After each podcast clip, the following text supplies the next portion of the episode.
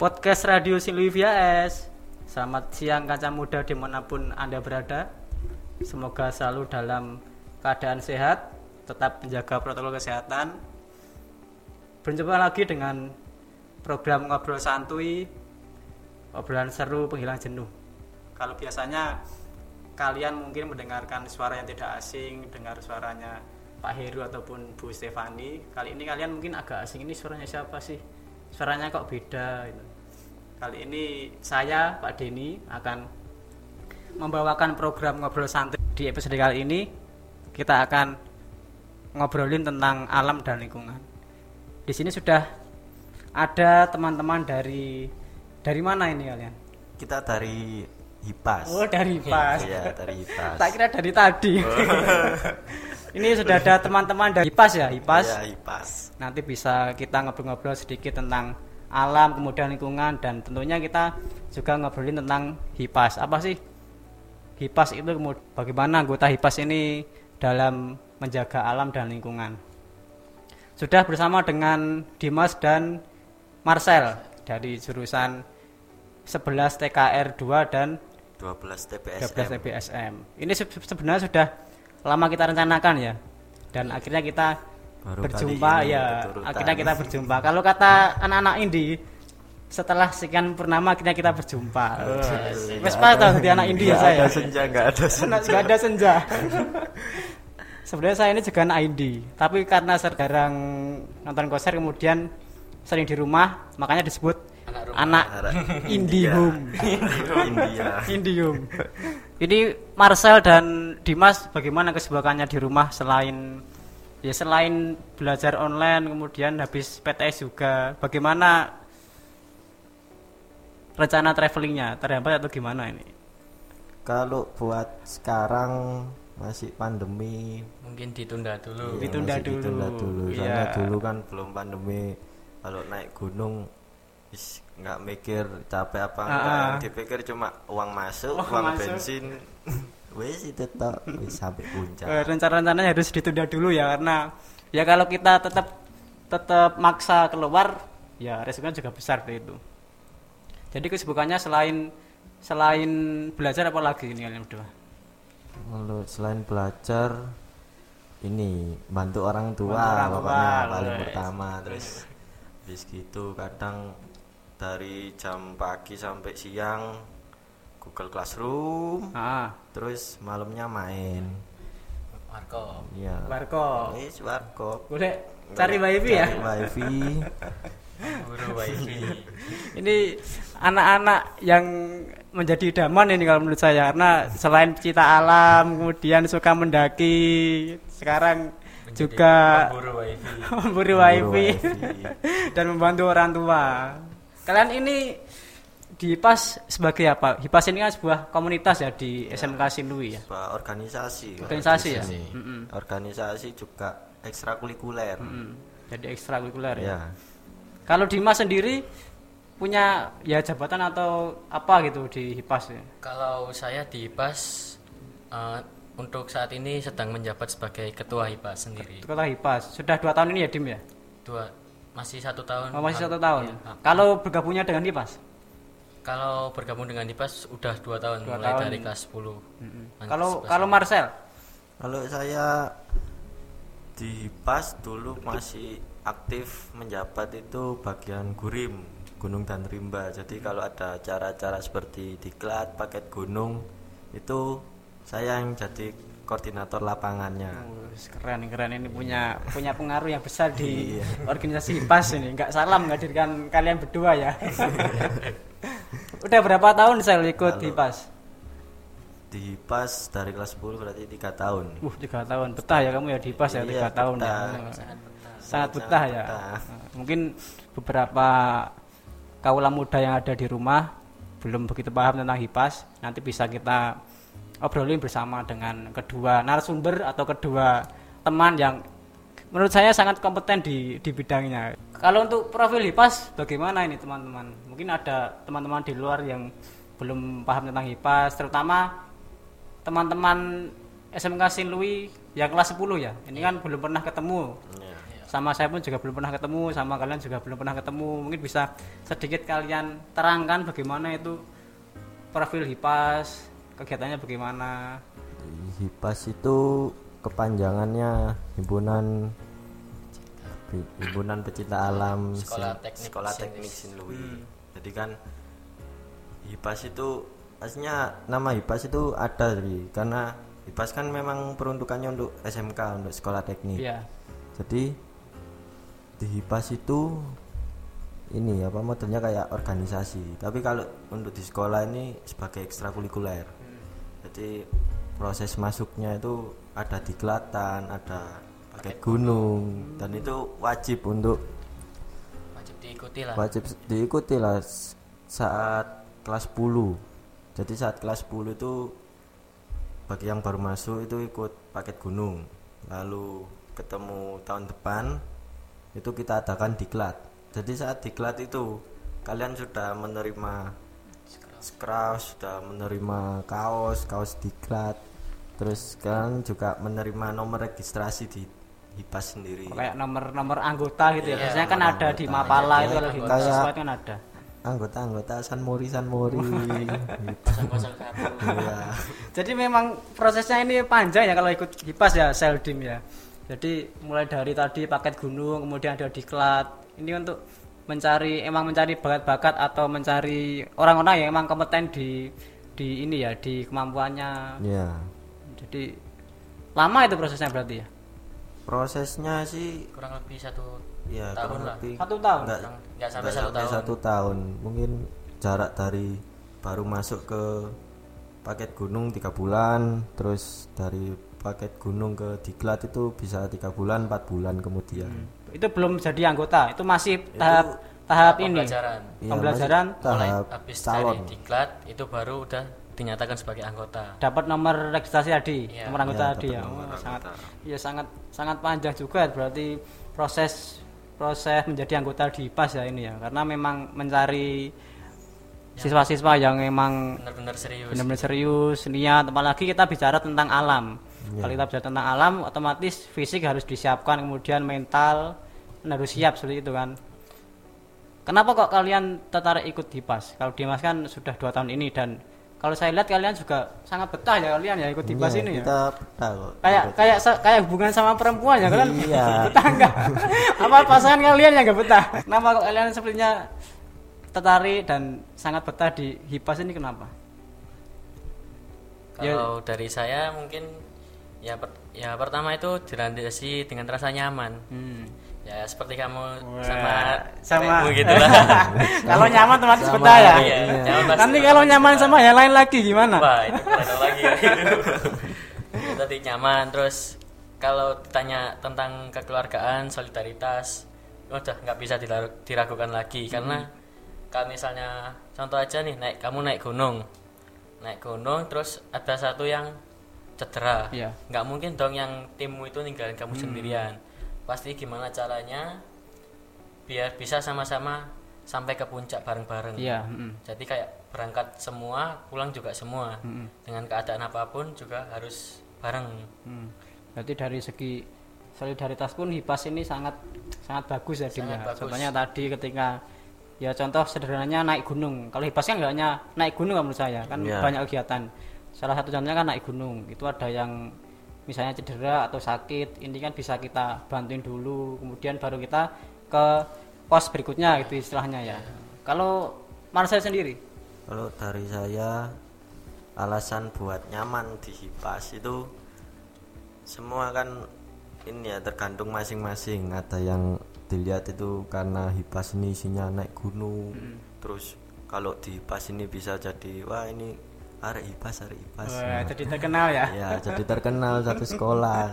Tapi kalau ngikutin kayak gitu terus kalian masuk hipas terus ngikutin semua ikutin semua rule kayak paket gunung diklat itu pasti akan hilang satu persatu. Jadi kalau saya sendiri itu alasannya itu kan di pas kan nggak cuma naik gunung Iya, kadang ada acara ini apa acara naik wall climbing jadi kita itu pas masih angkatan saya menjabat itu kita ikut agendanya bersih gunung Sispala Surabaya. Wus, Jadi- keren ini.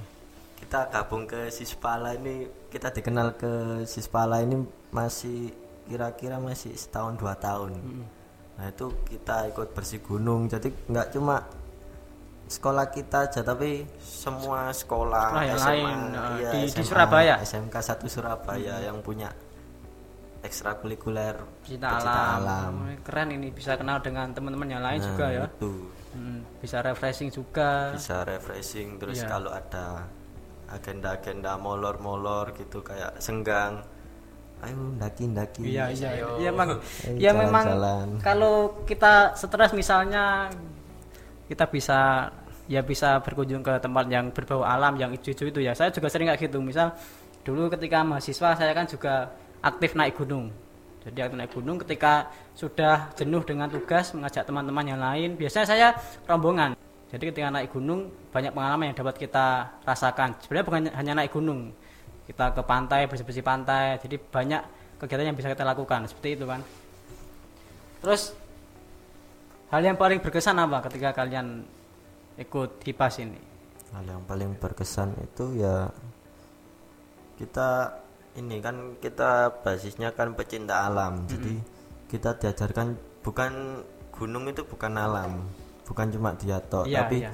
alam itu kan semua yang ada Luas, di sangat bumi. luas ya, Sel, ya. jadi semua sak sa isi isinya meskipun manusia itu juga jadi kayak misal kita ke mall terus kita apa ke mall habis gitu keluar banyak sampah-sampah Ah, kayak ini di iya. satu mall di Surabaya yang di ujung jalannya itu bau maaf ya bau pesing gitu nah itu kayak gitu kan bisa kayak misalnya kita adakan acara terus kita bersihkan di pel atau disiram air Iya. kan bersih itu juga salah satu bentuk cinta alam Iya iya benar. Karena kalau kita lihat bukan hanya di Surabaya sih, tapi di banyak tempat ini kan banyak sampah berserakan. Apalagi sekarang baru maraknya orang naik gunung kan. Ya mungkin karena pandemi ini kan jadi agak berkurang. Tapi sebelumnya ini kan sangat banyak orang naik gunung. Kemudian kalau saya lihat banyak sampah yang di puncak Iya di puncak kemudian tidak dibawa turun ini kan sebuah permasalahan sudah di bawah ada sampah apalagi di atas juga ada sampah. Jadi kalian ternyata juga sangat peduli dengan isu-isu sampah yang berserakan ya kalian. Iya. Sangat menarik ini kegiatan di PAS. Mungkin ada yang ingin bergabung nanti bisa menghubungi Mas Dimas maupun Mas Marcel. Nanti bisa dia bisa tanya-tanya terkait kegiatan di HIPAS lalu ini kalau kita lihat kan pencinta alam dan pendaki ini kan kadang disamakan. Kalau menurut kalian bagaimana? Apakah sama antara pencinta alam dan pendaki gunung? Eh, kalau menurut pribadi saya memang sama pendaki sama pencinta alam. Tetapi ada sedikit perbedaan di sini. Eh, kadang-kadang kan orang yang daki gunung itu cuma buat kebutuhan story. Hmm. terus karena contohnya aja kemarin habis launching apa namanya film 5 cm 5 ya, cm itu, ya 5 cm yang itu. itu di Gunung Semeru kalau nggak salah. Nah, otomatis kan yang orang-orang ini pasti kepengen tuh, ih keren ya Gunung Semeru, ah nyoba ah buat story, terus biar famous, biar dikenal. Ini pernah naik Gunung Semeru, padahal eh, dari sisi pencinta alam itu bukan sekedar naik gunungnya, tapi ya yang dikatakan Mas Marcel tadi, kita juga peduli dengan alam sekitar gitu. Ya. Jadi mulai dari lingkungan sekolah lingkungan rumah jadi kayak kebersihan terus tumbuh-tumbuhan yang mati itu kan me- menyebabkan karbon dioksida itu semakin banyak. Hmm. jadi kalau misalnya semakin banyak pohon yang tumbuh maka oksigennya juga semakin banyak. Ini menarik ini selain kita bisa mencintai alam kita juga bisa belajar biologi ternyata ya. Iya. karbon dioksida kemudian ada semua kok, ada semua di pas ini. Satu paket. Berarti teman-teman kalau melihat misalnya di sekolah ya di hal yang terkecil di lingkungan kita sendiri itu ada teman yang membuang sampah sembarangan itu menurut kalian sendiri gimana sih? Sebagai sebagai orang yang berkecimpung di pecinta alam kemudian kalian juga harus paham tentang isu-isu lingkungan tentang sampah berserakan di mana-mana. Bagaimana menurut Marcel dan Dimas sendiri? Lo kalau saya kan di sekolah kan biasanya ada yang keliling seperti Pak Narto keliling. Kalau misal ada yang buang sampah sembarangan kalau misal kalian sudah sering nemuin kayak gitu kalian sudah capek bilangin kalian sudah capek misal bicara eh padahal tempat sampah banyak. Kalau misal kalian capek wis langsung aja bawa anaknya ketemu Pak Narto. Pak ini lagi di proses Pak Narto. Pak anaknya buang sampah sembarangan. Iya saya dibilangi. iya. Dibilangi ya susah ya. Iya susah. Tapi itu bisa perlahan-lahan ya kita terapkan di diri kita sendiri kemudian di lingkungan sekitar. Kalian sering nggak di masa Marcel misalnya nggak ada tempat sampah kemudian ada misalnya kalian bawa tisu. Tisunya kalian kantongi sendiri atau bungkus permen gitu pernah nggak? Atau bungkus makanan gitu? Sering Sering ya? gitu, Sampai sering kebawa pulang lagi. sama berarti. Sampai besok kadang sampai dicuci, dicuci ya iya. kelihatan sama, sama. Kalau saya juga kalau ada misalnya bisa ambil tisu kemudian wah karena tempat sampah yang dibuang di mana ya? Wes saya kantongin dia kantongin. Kadang itu loh pas nyuci. Loh ini kok kotor semua ini putih-putih apa ya? Ternyata di kantong itu ada tisu ya walaupun itu mengotori diri kita sendiri paling enggak kan itu bisa mengurangi kerusakan alam gitu loh ya kan? Iya. kadang di dashboard motor motor metik gitu kan depannya ada dashboard. Itu kadang banyak sampah di situ karena ya memang kita peduli tentang alam atau peduli terhadap alam tidak tidak mau membuang sampah sembarangan, itu salah satu bentuk bentuk kecil kita untuk menjaga lingkungan. Apalagi kalau Dimas dan Marcel ketahui di puncak Jaya Wijaya di di di ini ya di Rian Jaya itu Iya. itu esnya itu sudah ini sudah mulai Sudah mulai ya, mencair. berkurang mencair. Kemudian di kutub ini kan juga juga berkurang. Karena pemanasan global di mana-mana Semakin besar. semakin besar. Kalau kita lihat menggunakan AC kan juga banyak atau apalagi di Surabaya hotel-hotel ini kan ASEAN semua. ah, ASEAN Terus semua ada lagi efek rumah kaca, Ah, rumah kaca gedung-gedung iya. gitu. ada kan band yang namanya efek rumah kaca Iya, ada. wah anak indie tenan ya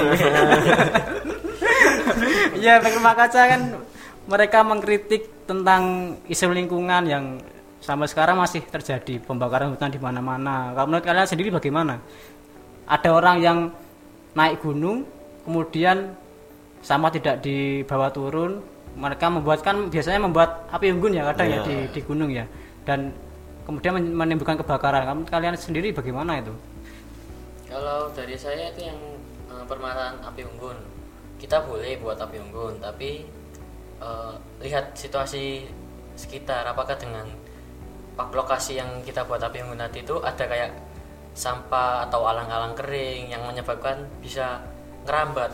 Eh, mungkin kita buatnya satu titik, tapi tanpa kita sadari waktu kita terlelap habis api unggunan kita nggak sadar kalau misalnya ada api kecil yang masih nyala. Terus itu kena angin habis itu kena alang-alang. Udah satu hutan kebakaran. Itu kan sama aja sama eh, merusak rumahnya hewan-hewan. Iya kan hewan di situ juga mau hidup juga berlindung juga cari makan tapi dengan kesalahan kecil kita sudah membuat banyak hewan sengsara gitu. Iya, ya. ini ini belajar dari buku apa pengalaman sendiri dim kayaknya sangat begitu paham dengan lingkungan ya. Ya, pengalaman sendiri pengalaman sendiri berarti di pas ini selain ya kalian tadi misalnya praktek naik gunung kemudian praktek apa mendaki memanjat apa ini Wall climbing. ya wall Wall climbing climbing. itu berarti juga ada teori dasarnya ya nanti ya ada Pasti ada. Dimulai dari teori, terus mulai praktek gitu. yang kalian dapatkan apa dari ikut pas ini Dimas sama Marcel ini kan ada teori-teori tentang bagaimana naik gunung kemudian Kalau dari aku sih ya banyak. Pertama, kalau naik gunung itu kan bukan sekedar kayak kalau misalnya kamu pecinta alam itu bukan kayak ah naik gunung buat story, tapi enggak bagaimana kita bertahan hidup di gunung. Contohnya aja kita ya bukan bukan kita minta ya. Eh, mungkin ada kejadian tidak diinginkan mungkin tersesat apa atau eh, jalan utama itu terjadi longsor. Nah itu kan kita langkah pertama kan nggak boleh panik. Terus kita bagaimana sih cara bertahan hidup dari situ?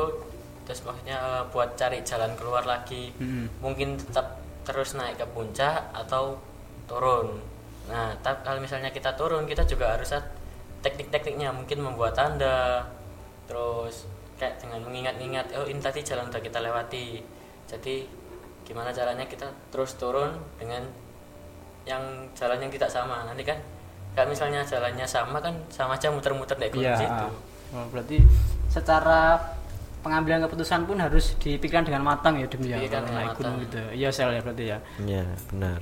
Kalau kita naik gunung banyak sekali rintangan, terutama naik gunung. Kalau semisal kita cuma ber- cuma ngecamp di pantai gitu kan resikonya nggak terlalu besar ya karena kan di datar kan itu. Paling Rata-rata. ya paling kan cuma ombak pasang surut air laut. Kalau di gunung ini ya resikonya lumayan besar. Tapi kalau kita tahu teori-teorinya berarti Kita kita, bisa kan ah, bisa mempertahankan diri.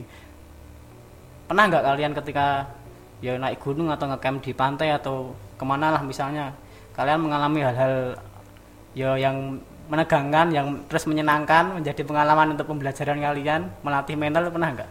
Pernah tuh dulu pas masih kelas 11 mungkin masih belum pandemi itu daki sendiri.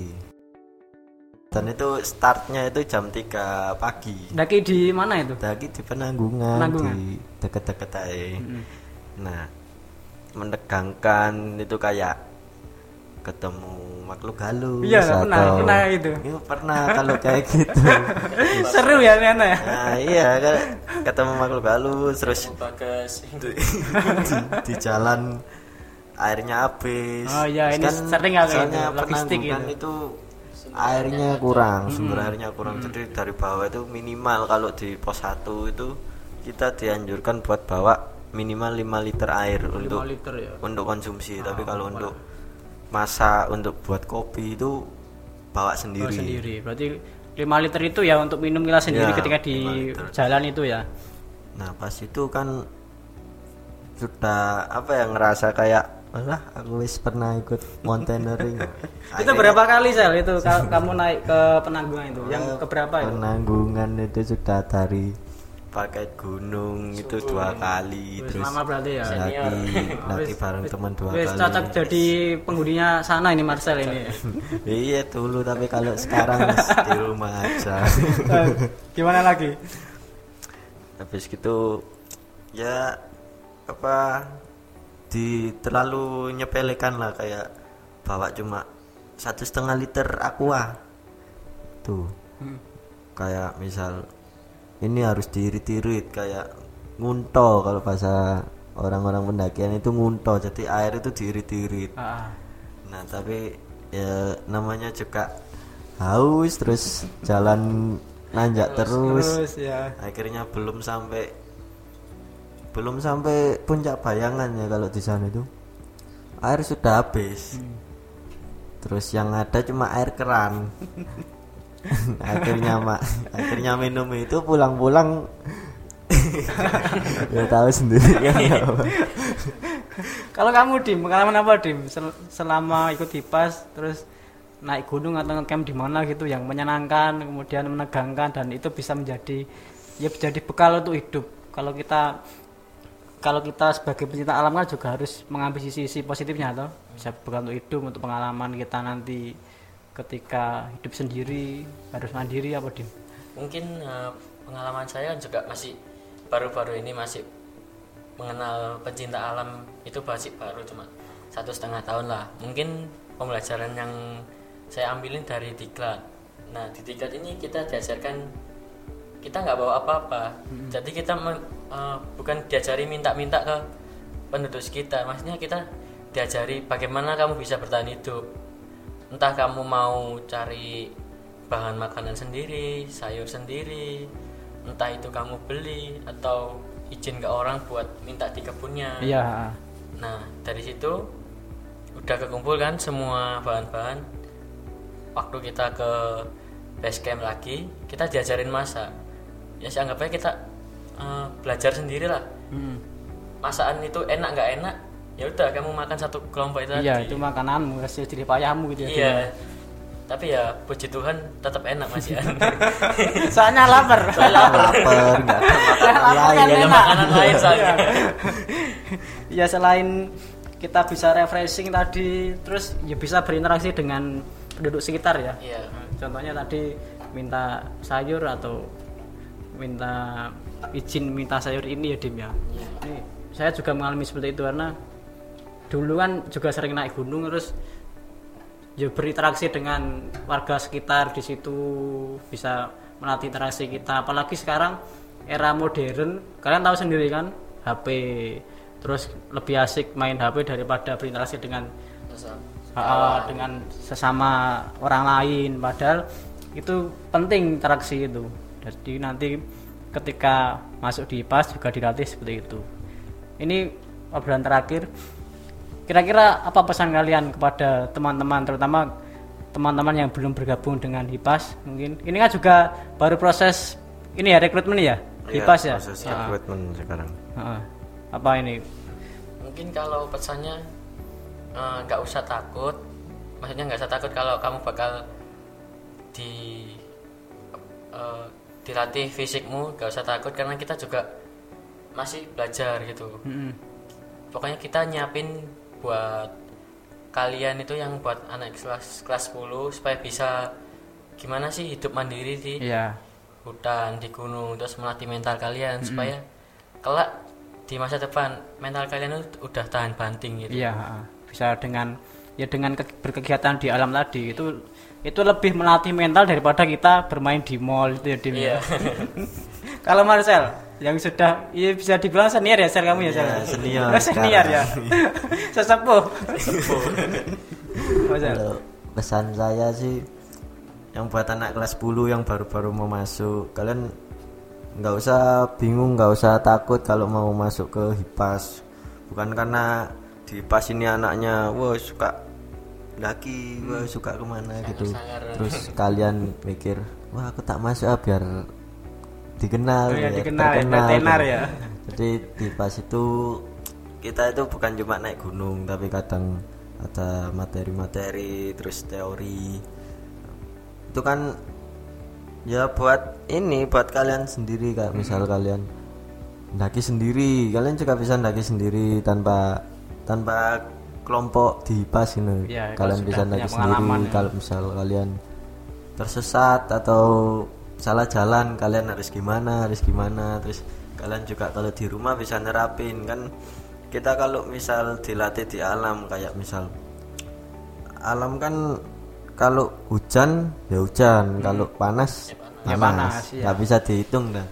Nah kalau kalian di rumah kalian misal ketemu alah, kalian bisa mandiri lah. Kalau di rumah kayak kalian kalau memang orang tua kalian keluar rumah ya wis kalian lakuin Masak sendiri. masak sendiri Ya. terus wis ngerapiin rumah sendiri Iya. kalau orang kalian apa orang tua kalian di rumah dibantuin jadi ya itu nggak terlalu apa iya biar nggak terlalu manja Hmm. itu kalau dilatih alam itu memang kayak gitu daripada dilatih manusia sendiri loh ya Kadang baper ya. dilatih manusia kan masih ada masih ada lah masih ada batas-batasnya kalau sudah mencakup di alam itu wis kalian mau nangis kalian mau apa pun itu wis Iya. pasti nggak dikompromi lagi Lagi alam kalau kita ibaratnya sopan terhadap malam,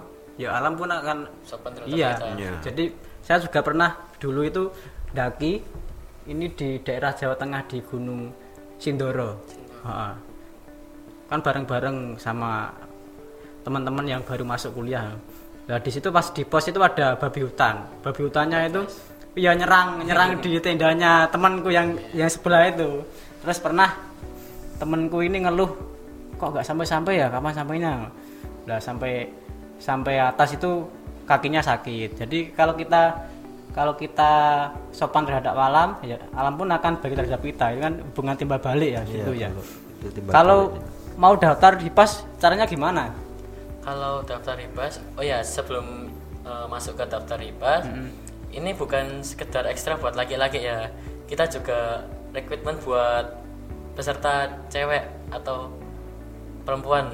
Jadi biar mungkin anak-anak cewek yang berjiwa strong Jiwa terus strong, tahan banting Tahan mungkin banting. bisa ikut kita nggak ada perbedaan antara laki dan perempuan. Hmm. karena kita yes kita sekedar pecinta alam Ya. ngapain harus dibeda-bedakan gitu.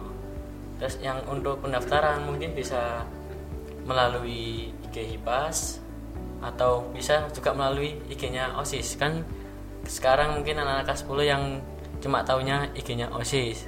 Mungkin bisa ditanyakan melalui IG-nya OSIS. Eh, mungkin ada yang punya kontak person atau IG-nya HIPAS itu juga bisa di situ juga ada kontak personnya juga Kalau IG-nya Hipas sendiri apa, Dim? HIPAS Saint Louis Hipas Sin Louis. Hipas H I P P A S T P-nya 2. ya P-nya 2 terus ST Louis ya. ya Oh, ini kalau teman-teman terutama terutama kelas 10 dan 11 yang belum bergabung dengan HIPAS bisa dicek atau follow akun IG-nya HIPAS Saint Louis tulisannya H I P P A S T Louis ya. Oh, ini bisa kalian cek nanti di situ ada info-info terkait HIPAS, terkait kegiatannya. Kalau sebelum pandemi banyak kegiatan karena ini masih pandemi jadi dibatasi dulu dibatasi dulu karena memang kita harus menjaga diri kita agar tidak terserang virus penyakit agar kita bisa tetap nanti tetap bisa traveling setelah pandemi mereda Iya. itu tadi obrolan kita dengan teman-teman dari PAS bersama dengan Dimas dan Marcel kita ketemu lagi di episode berikutnya dan jangan lupa yang ingin mendaftar di PAS bisa langsung follow akunnya maupun hubungi Mas Dimas dan Mas Marcel begitu ya? Iya. Ya. Tetap jaga kesehatan, tetap patuhi protokol kesehatan kalau keluar ya kalau penting kalau nggak penting ya jangan keluar. Selamat siang, salam sehat.